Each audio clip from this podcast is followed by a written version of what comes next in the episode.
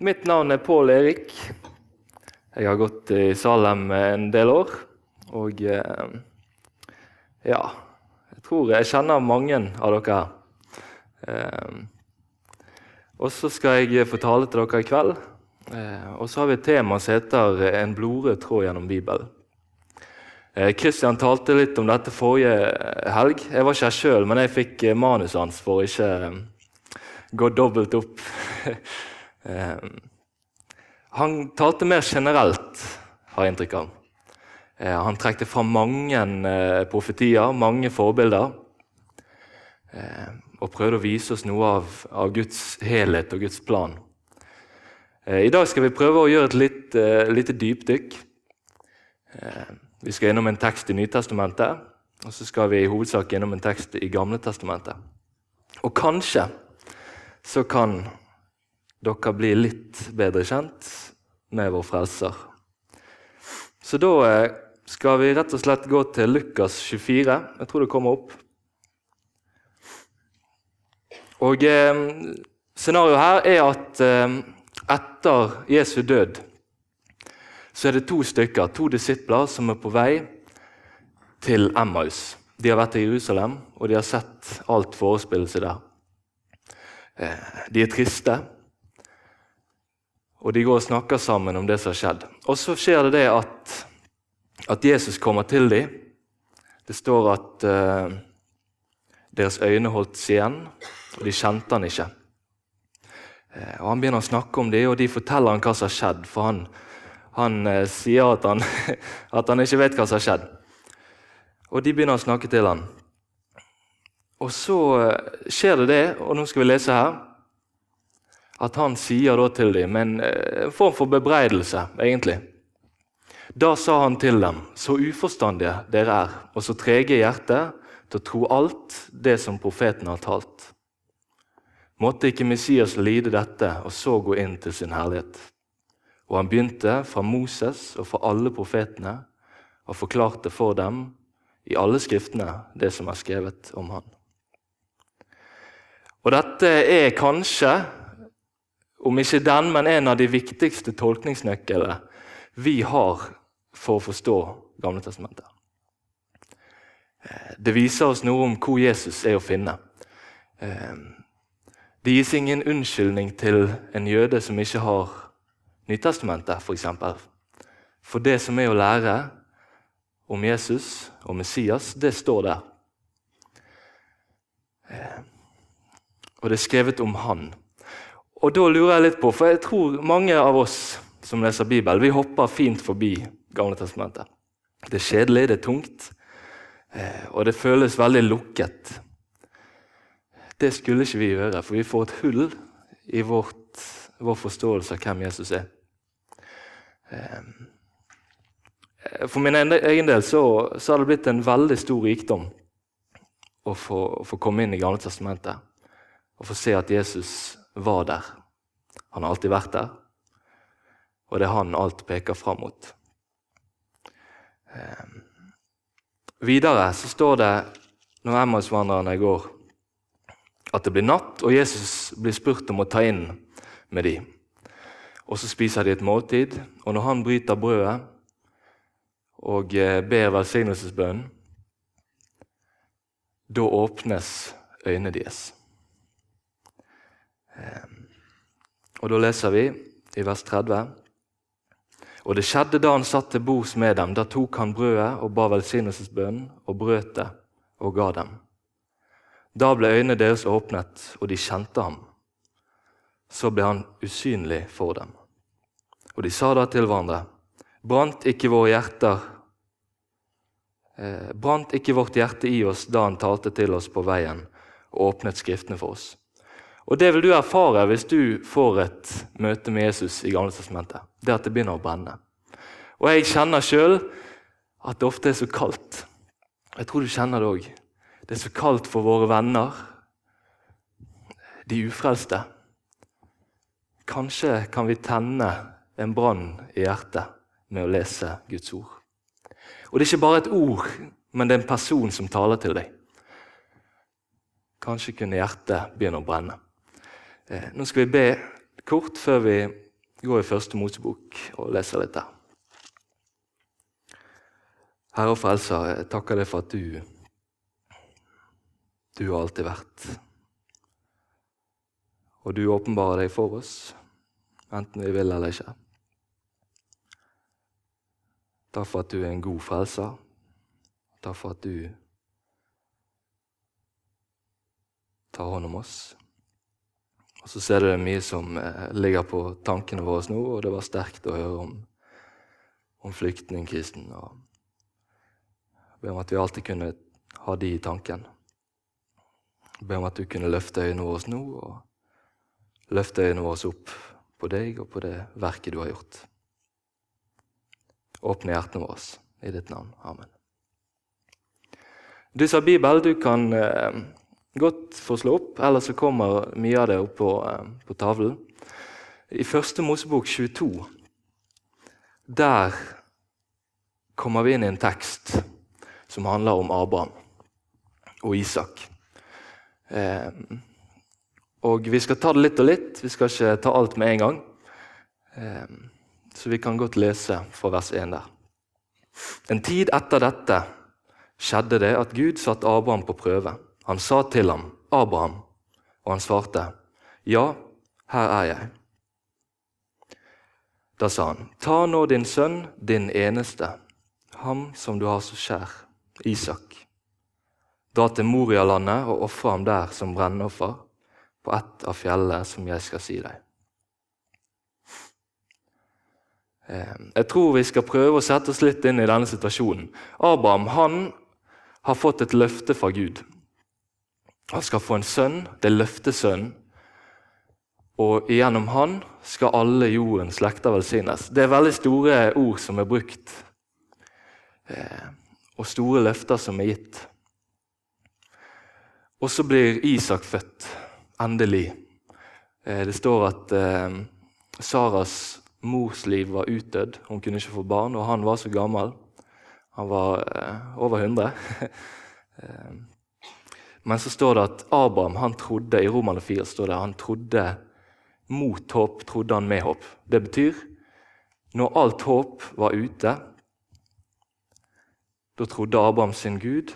Og så står det at uten å bli svak i troen tenkte han på sin egen høye alder og sin hustrus utdødde mors liv. Det var så mye som spilte imot. Men så kommer den dagen da Isak blir født, og ting faller litt på plass. Og så kommer vi inn i en tekst her der Gud setter Abraham på prøve, og så får han beskjed om at han skal ofre sin egen sønn.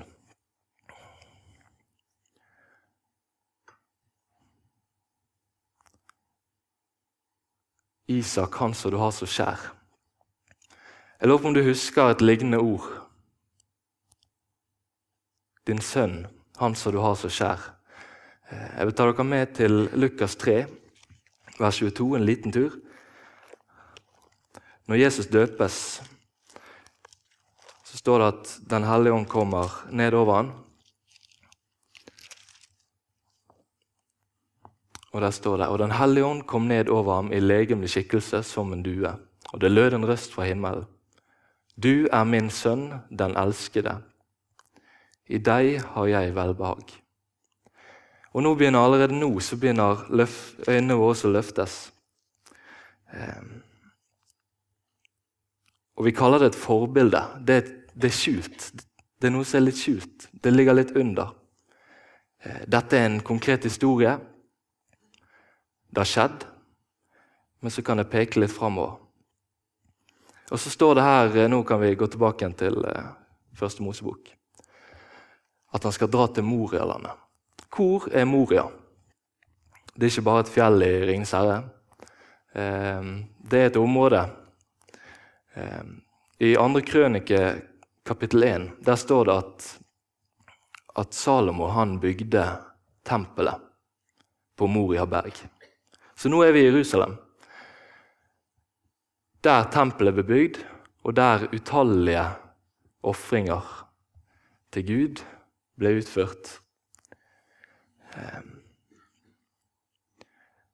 Det står ikke at det er Moria berg, det står at det er i Morialandet. Og jeg husker et annet berg som er i Morialandet, og det heter Golgata. Det er òg en høyde i dette området, og der skal han gå. Og Så står det at han kløvde ved til brennofferet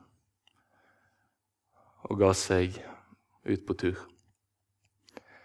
Eh, I vers 3 og 4 så står det at eh, så to, sto Abraham tidlig opp om morgenen og leste på eselet og tok med seg to av tjenesteguttene og Isak sin sønn.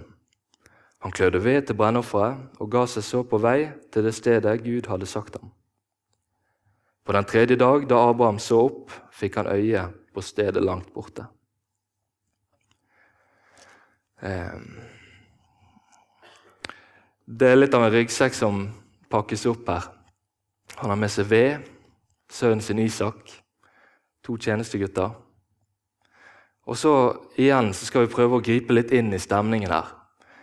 For de er ute på tur. Abraham han vet det at han som jeg har med meg, han skal på offeralteret. De kjente hverandre godt. Abraham var glad i Isak. Ehm, den stemningen der den tror jeg har vært veldig spesiell. Jeg tror Isak han skjønte at her var det noe som ikke var helt riktig. Ehm, og På mange måter så kan du si at Isak han var som død. Han skulle dø, og for Abraham så var han som død i de tre dagene de går på tur. På den tredje dagen da Abraham så opp, fikk han øye på stedet langt borte. Da sa Abraham til tjenesteguttene.: Bli dere her med eselet, mens jeg og gutten går dit opp for å tilbe. Og så kommer vi tilbake til dere. Så tok Abraham veden til brennofferet og la den på Isak, sin sønn. Selv tok han ild og kniven i hånden, og så gikk de sammen, de to. Veden ble lagt på han. Og det redskapet som Isak skulle dø på, det måtte han bære. Dere kjenner det. Korset ble lagt på han. Jesus han bærte det korset. Ehm, og Dette sier oss noe om Isaks alder. For På bildene så ser du gjerne at han, det er en liten gutt sant, som ligger på alteret. Det er veldig usannsynlig. Den børen med ved, det var ingen liten bør. Det var nok en svær haug med ved. Og dette skulle han bære. Eh, gamle rabbinerskrifter de sier da, det er jo en spekulasjon, men eh, en sier 25 år, en sier 36. Og Jesus var 33 år når han tok korset på ryggen og gikk opp til Golgata. Eh, ingen liten gutt, men en mann som kunne bære en stor nok bør. Og så vil jeg si det om dette at nå var det et menneske som la veden på Isak. Og det var, de, det var, jo mennesker som la korset på Jesus. Det var romerne. sant? Dypest sett så er det Gud som legger korset på Jesus' skuldre. Sånn som Abraham la veden på Isaks skuldre. Så spiller det seg videre, og så ser vi at Isak spør et godt spørsmål. Da tok Isak til orde og sa til sin far Abraham, 'Du far?' Og han sa, 'Ja, gutten min.' Han sa, 'Se, her er ilden og veden, men hvor er lammet til brennofferet?' Og, og dette er brukt som disposisjon eh, for et ja, for hvordan du skal tenke. Eller jeg skal tenke. Når du kommer i Salem, hva er ditt spørsmål? Hvis du er helt ny her, hva er ditt spørsmål? Hvor mye lys er det? Hvor digg musikk er det? Hvem er her? Hva slags folk er her? Det er viktig alt sammen. sant? Og det kan være så fint. Og så er vi så takknemlige for alt det som utspiller seg her. Men ditt spørsmål det bør være hvor er lammet? Forkynnes lammet her? Eller i en annen menighet, hvis det er der det går. Forkynnes lammet. Det er det viktigste. Og det høres, så vil jeg kanskje si at det er litt sånn kananspråk. I gamle dager så sa de ja, lammet, lammet. sant? Eh, men jeg registrerer at flere og flere nye sanger de trekker dette elementet inn igjen. Guds lam. Hvor er lammet, spør Isak. Og så sier Abraham at Gud vil selv se seg ut lammet. Så gikk de videre sammen, de to. De kom da til stedet Gud hadde sagt dem. Der bygde Abraham alter og la veden til rette. Så bandt han Isak, sin sønn, og la ham på alteret oppå veden. Um. Isak ble bundet. I eh, Johannes 18, hva står der? Da er vi midt inne i lidelsesfortellingen. Lidelseshistorien til Jesus. Og Judas han kommer eh, med de skriftlærdes vakter og fariseerne, og så griper de Jesus. Det skjer noe før de griper Jesus. De spør er du Jesus fra Nasaret. Og han sier, 'Det er jeg'. Eller han sier 'Jeg er', som er Guds navn. Og så står det at de faller til bakken. Det er et høyt og hellig navn. Han kaller seg med det. Det er Guds navn. 'Jeg er'. Og han spør igjen, 'Er du Jesus fra Nasaret?' Og han sier, 'Det er jeg'. Og så sier han noe som er veldig fint. Er det da meg dere leter etter, så la disse gå. Og Da snakket han om disiplene sine. Er det meg dere leter etter, da la disse gå. Og så står det at de bandt han. Eh, og det stakk veldig dypt når jeg leste dette når jeg forberedte meg. For det at Jesus bindes. Eh, og så tenker jeg til, til han som var i kongesønnens bryllup. Og han hadde ikke bryllupsklær på seg. Og så blir det sagt noen ord til han som, som stikker veldig dypt for min del. Hvorfor har ikke du bryllupsklær på deg? Resulterer i at, at han sier 'bind hender og føtter på han', og kast ham ut utenfor.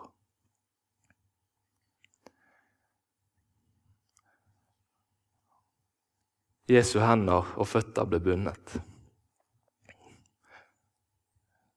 når jeg skulle vært bundet. Um, dine hender og føtter de skulle vært bundet, og du skulle vært kastet ut. Men Jesu hender og føtter ble bundet. Og så ble Isak bundet, og så ble han lagt på offeralteret.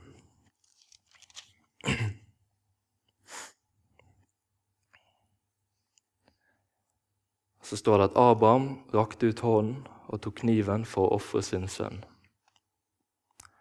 Og Da ropte Herrens engel til ham fra himmelen og sa, Abraham, Abraham, og han svarte, Ja, her er jeg. Da sa han, Legg ikke hånd på gutten og gjør ham ikke noe, for jeg vet at du frykter Gud, siden du ikke har spart din sønn, din eneste, for meg. Jeg vil lese neste år. Abraham så da opp, og se, bak ham var det en vær som hang fast etter hornene i et skjær. Abraham gikk der bort og tok væren, og han ofret den som brennoffer istedenfor sin sønn. Og så stoppes Abraham. Og så er liksom Hva hadde vi gjort hvis dette utspilte seg til sitt til siste? Eh, Gud, han eh, Menneskeoffer i Bibelen er strengt forbudt. Det skal aldri skje. Det hørte til hedningene. Og så stoppes Abraham og så slipper han kniven. Og så er det som at forbildet her det, det slutter. Det stopper på en måte. Det opphører å være forbilde, og så begynner det å skje på en litt annen måte plutselig. Altså, det er, litt, det, det, er en, det er noe som skjer her. Nå endres det over til at Isak han ikke er forbildet på Jesus lenger.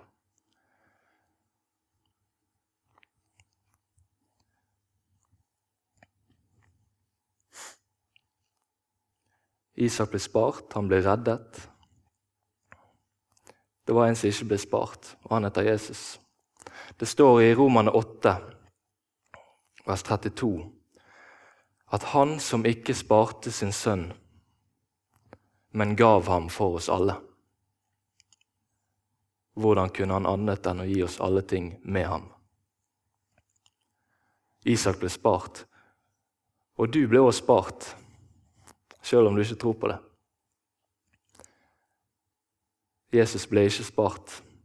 Han ble gitt for deg.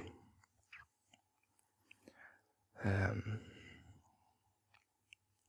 Hvor er lammet? spurte Isak. Og så får han sitt svar her. Det sto bundet litt lenger borte. sant? Men dypest sett så gis det egentlig svaret. Det gis en gang med Jordan når Johannes ser over på andre siden, så ser han Jesus. Husker dere hva han sier? Se, det er Guds lam som bærer bort verdens synd.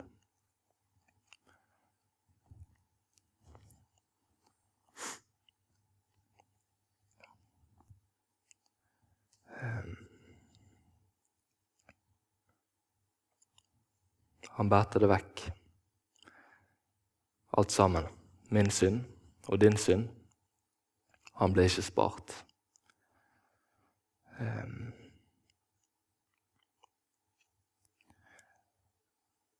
Jeg vil fortelle en eh, historie til slutt. Um. Det forespiller seg i Italia. Kirkene bygges. Dere har enten sett dem sjøl eller sett bilder. Kirkekunsten føres opp. Eh, glass glassmalerier. Nydelig. Ehm, og de jobber i høyden oppe i kuppel.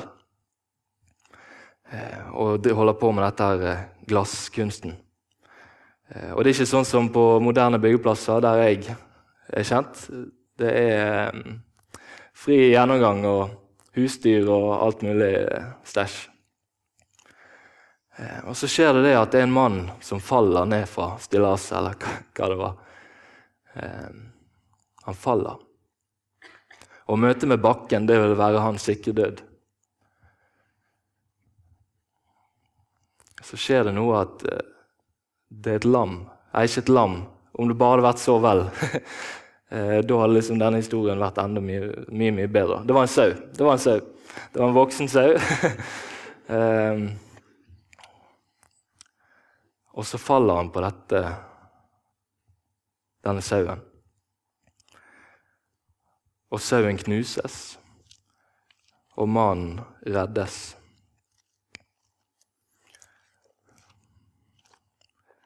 Når jeg sier den mest kjente Kristusprofetien i Gamle testamentet, så er det mange av deres tanker som går en bestemt plass. Noen som tør å skrike det ut? Dere, det er en viss fare for at dere bommer, da, men eh. Det er riktig. Det er riktig. Det var bra, Eivind. Eh, det var ikke planlagt, forresten. Eh, tankene våre går til Isaiah 53, og der står det at det behaget Herren å knuse han. Det står at men han ble såret for våre overtredelser, knust for våre misgjerninger. Straffen lå på ham for at vi skulle ha fred. Og ved hans sår har vi fått legedom. Og så vil jeg hoppe litt tilbake, for det var noe jeg glemte. Når han ble bundet, Isak og så, Jeg lurte på hvem jeg skulle bruke til dette eksempelet, da, men Eh, la oss ta en som ikke er her. Kristian, f.eks.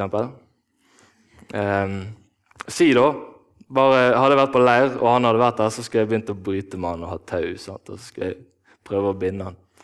Eh, vi er jo cirka,